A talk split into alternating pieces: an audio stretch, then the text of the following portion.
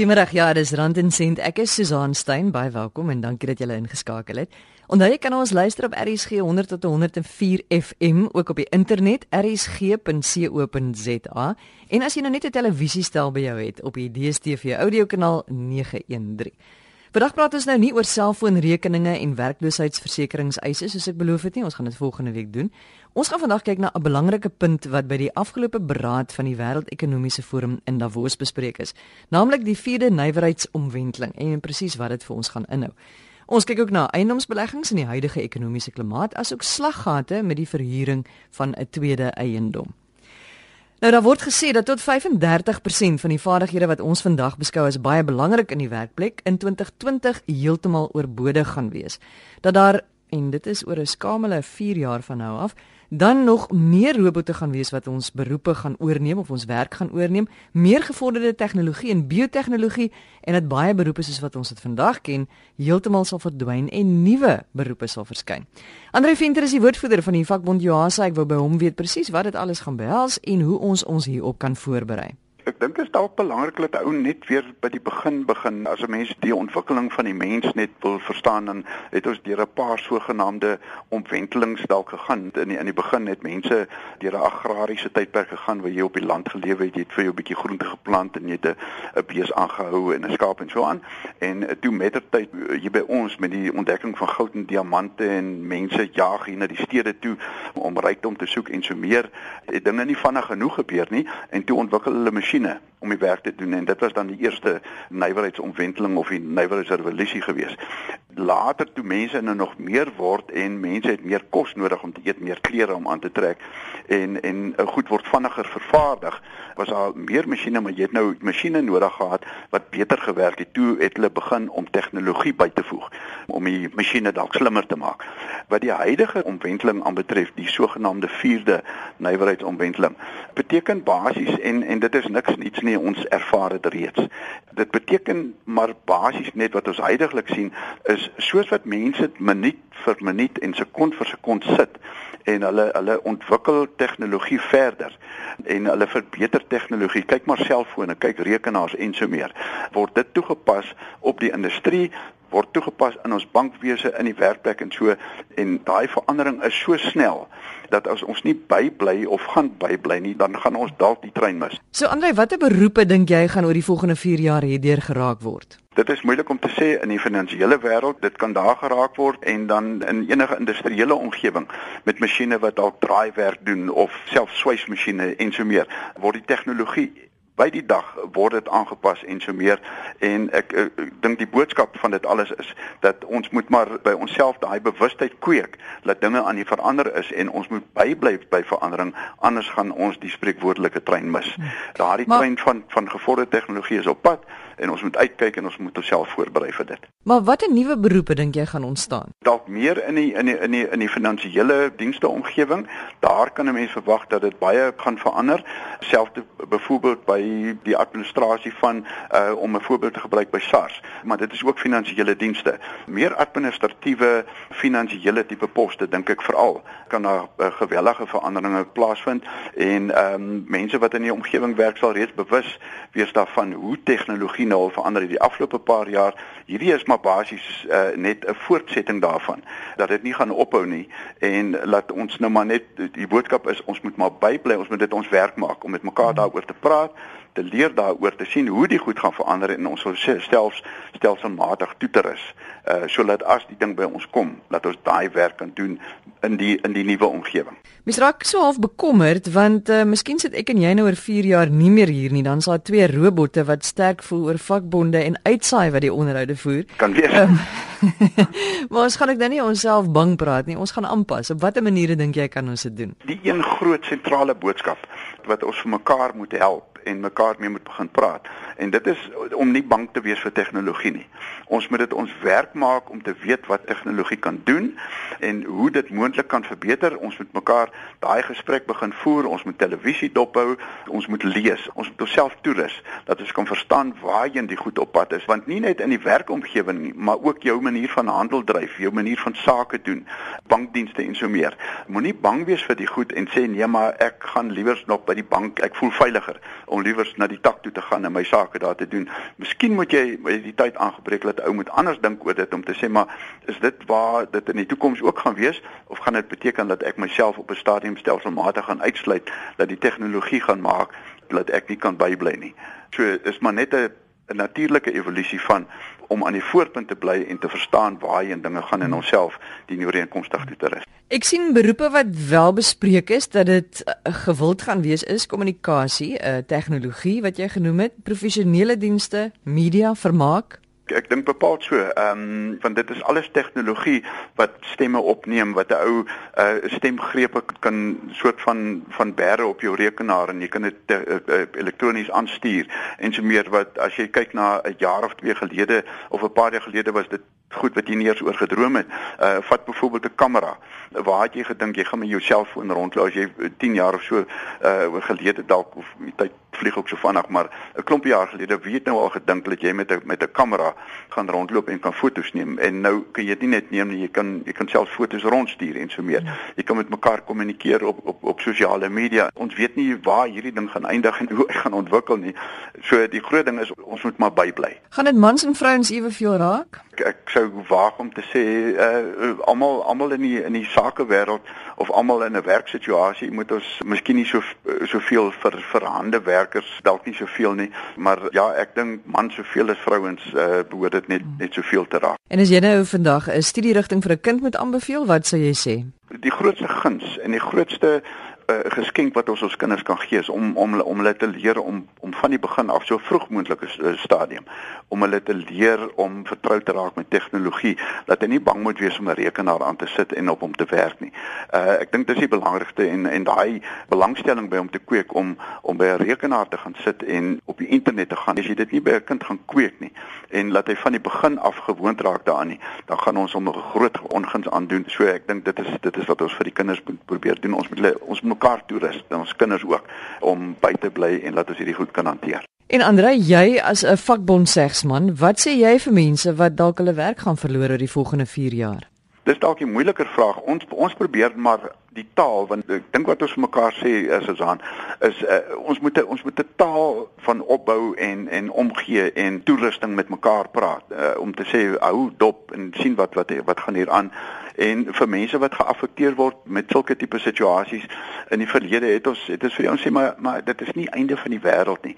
Daar is hoop. Kyk rond daar's dalk ander ander goed wat jy kan doen. Die vaardighede wat jy opgebou het het jy dalk iewers is daar verskillende entrepreneursvaardighede. Dalk kan jy dit gebruik en daar's dalk vir jou iets buite wat jy gaan doen. Jy kan dalk 'n eie besigheid begin en so meer. So so ek dink die die boodskap wat ons altyd vir mense probeer gee is 'n boodskap van hoop en te sê maar alles is nie verlore dis nie einde van die wêreld as tegnologie by jou oorgeneem het nie daar is moontlikhede of as as jy dan nou nie dadelik daai vaardighede het nie gaan soek rond daar is iets iets wat jy iewers sal kan doen solank die wil daar is en solank die hoop daar is dan sal mense kan aangaan En dit was Andrei Venter, die woordvoerder van die vakbond Joasa. Ons het gepraat oor die vierde nywerheidsomwenteling wat 'n groot besprekingspunt was tydens die pas afgelope beraad van die Wêreldekonomiese Forum in Davos in Switserland. Onthou as jy kontak besonderhede van ons gaste soek, e-pos vir my rsg@randencent@gmail.com. Ons is besig met Rand en Sent. Ek is Susan Stein. Elke Sondagmiddag 5uur kan jy luister na ons hier op RSG. Ons praat oor geld sake en aspekte van die finansiële wêreld wat ons almal raak. Jy kry ons tussen 100 en 104 FM of op die internet rsg.co.za of op die DStv audiokanaal 913. In die eerste deel van ons program het ons gepraat oor die vierde nywerheidsomwenteling en hoe dit ons beroepslewe en ons kinders se toekoms gaan raak. As jy dit gemis het, gaan gerus na www.rsg.co.za, daar kan jy weer luister of jy kan dit aflaai in MP3 formaat. Nou gaan ons kyk na eiendomsbeleggings in die huidige ekonomiese klimaat en 'n paar slaggate waarvan jy gerus bewus moet wees indien jy dalk eiendom het wat jy wil uitverhuur. Nou interessant genoeg genoteerde Suid-Afrikaanse eiendom het weer die beste op die JSE gevaar in 2015, selfs beter as effekte aandele en kontant. Maar die makro-ekonomiese omgewing het wel die huismark 'n bietjie ingehaal. Huispryse is so effens laer gedruk. Dit blyk uit Absa se huisprysindeks van 2015. Maar hoe lyk eiendom as 'n manier om jou geld op hierdie oomblik in Suid-Afrika te belê? Gert van Staden is die hoof van die P3 beleggingsgroep wat in eiendomsbelegging spesialiseer. En hy meen huiskoop is steeds 'n baie goeie en baie veilige belegging. As jy in gedagte hou, eiendomsbelegging is 'n langtermynbelegging. Jy het twee oogmerke as jy in eiendom belê. Jy wil kapitale appresiasie van die bate hê en jy wil hê hierdie kapitale groei moet meer wees as wat die inflasie is. En dan die tweede oogmerk is jy wil 'n inkomste uit hierdie bate verdien. En as jy mooi daaroor dink, dan is dit eintlik net eiendomsbelegging wat vir jou hierdie tweevoudige opbrengs op jou belegging gaan gee. Gert sê die swak ekonomie, die swak wisselkoers, die stygings in die rentekoers en die feit dat mense vanjaar selfs hulle werk kan verloor, is groot uitdagings wat mense kan afsit om nou in eiendom te belê. Maar dit geld vir alle beleggings, nie net eiendomme nie. As jy in 'n pensioenfonds belê, dan beteken dit solank as wat jy werk het, dan gaan jy 'n bydrae maak tot die pensioenfonds. Wanneer jy jou werk verloor om watter rede ook al, enige belegging wat jy het gaan potensieel skade ly as gevolg daarvan. Dit is so. Ons verwag hierdie jaar 'n styging in die rentekoers van soveel as 2% gedurende die loop van die jaar. Maar dit beteken dat wanneer jy die eiendom gaan koop en ons sê weer, hierdie is 'n beleggingseiendom, dit is nie woonhuis of 'n vakansiehuisie by die see nie, dan moet jy slim koop jy moet seker maak dat in die eerste instansie jou besteedbare inkomste voldoende is om hierdie eiendom te kan bekostig en in die tweede instansie moet jy die regte eiendom koop. 'n Luukse eiendom wat 4 miljoen rand kos en wat jy kan verhuur vir R25000 'n maand is nie wat my aanbetref 'n goeie beleggingseiendom nie. Jy wil belê in 'n eiendom waar daar in die mark 'n groot behoefte is vir verhuurings. En dit is maar die bekostigbare behuisingsmark. En kom ons noem dit nou maar eiendomme tot om en by 750 000 rand. En dit is ook maar 'n relatiewe beskrywing. Maar jy wil belê in 'n eiendom waar jy ten minste 'n kapitale groei gaan kry van tussen 6 en 10% per jaar op die waarde van die eiendom en dan wil jy verkieslik 'n inkomste verdien op hierdie eiendom wat jy kan bereken teen 1 op 1. Met ander woorde, as jou paaiement op die eiendom R5000 'n maand is, dan wil jy so na as moontlik aan hierdie R5000 paaiement 'n huuropbrengs hê. Mens moet in gedagte hou jy praat van 'n spesifieke tipe eiendom. So in hierdie tyd waar ons verwag rentekoerse gaan styg, is dit eenvoudig so is jy moet slim koop. Jy moet die markontleding behoorlik doen en jy moet ruimte laat in jou besteedbare inkomste dat jy voorsiening maak vir die stygings in die rentekoers en derhalwe die uh, gepaardgaande stygings in die paaiement. Gertsie, as jy die regte eiendom wil koop om 'n goeie belegging te maak, moet jy kyk na wat hy noem die insula beginsel. Dit kom maar uit die Romeine toe hulle die wêreld verower het, het hulle hierdie insulae gebou en ons kan dit vrylik vertaal as 'n woonstelblok. So ons sê jy kyk primêr na 'n eiendom waar dit geleë is in 'n sekuriteitsomgewing wat naby groot toegangsroetes is en in 'n omgewing waar daar baie werk is jy gaan nie 'n beleggingseiendom koop in die platteland waar jy uitgelewer is aan die ekonomie en die ernstige impak wat die stygings en dalings in die ekonomiese omstandighede op daardie omgewing het nie. So dis die eerste instansie dit is baie belangrik dat jy op die regte plek koop. Jy wil in 'n omgewing wees waar daar altyd 'n behoefte gaan wees aan behuising jy wil ook in die mark wees waar daar baie huurders is en dit dit is tog iets wat van selfsprekend is. Hoe duurder jou eiendom, hoe kleiner jou mark. Ons praat van goeie beleggingseiendomme as hierdie eiendomme tot en met 750 000 rand want jou huurmark is groot en dit is die tipe van persoon wat elke dag ry in sy motor wat hy gefinansier het by die bank na sy werk toe en hy het kinders op skool en hy gaan sy huis oppas. Hy wil nie, hy wil nie sy behuising verloor nie. Dit is die tipe eiendom. Daar is baie Suid-Afrikaners wat op die oomblik voel 'n mens moet eerder jou geld in die buiteland belê. Gert stem nie noodwendig saam nie. Bydien kan nie almal geld die land uitvat nie. En hy sê eiendom is steeds 'n baie goeie belegging in Suid-Afrika. As jy histories kyk na die eiendomsmark in hierdie land, dan in gedagte gehou dat dit 'n langtermynbelegging is is die kanse dat as jy in die regte eiendom belê dat jy gaan verloor op hierdie eiendom uiters skraal. En histories is dit so bewys. Ek sal definitief belê in eiendom in hierdie land vir die eenvoudige rede. Die ekonomie is van so 'n aard dat hy op en af gaan. Hy daal en hy styg. So die moeilike tye word gevolg deur goeie tye.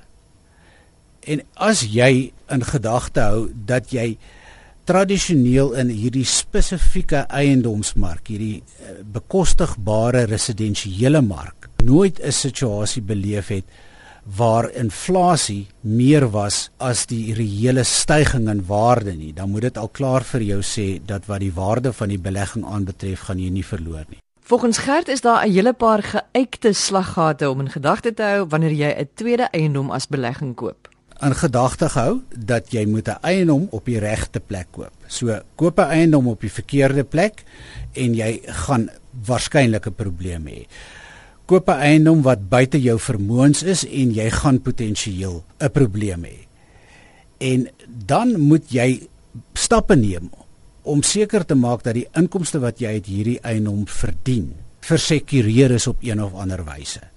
Dit beteken jy is aangewese op 'n huurder om jou eiendom te betaal en dit beteken jy moet huurders versigtig kies. Gert sê die laaste belangrike punt om in gedagte te hou is dat jy betrokke moet wees by jou belegging. Jy moet hom oppas. Jy moet meganismes skep om na hom om te sien. Ek dink uh, ons kan nog baie daaroor praat, maar hierdie is waarskynlik die belangrikste. En dan die eeuoue vraag: koop of huur? Weereens, as jy praat van belegging, dan uit die aard van die saak, 10 uit die 10 maal koop. Al wanneer ek vir iemand aanbeveel om hier ernstig te oorweeg is as jy 'n duur primêre woonhuis wil aanskaf, dan wat my aanbetref is hier beter wanneer jy kyk na bekostigbare residensiële eiendom dan 10 uit die 10 maal koop jy hom vir vir twee redes. Die eerste een is jy bly nie in hom nie, so jy gaan 'n inkomste altyd uit hom kry. Die tweede rede is jy gaan 'n kapitale appresiasie van die bate kry.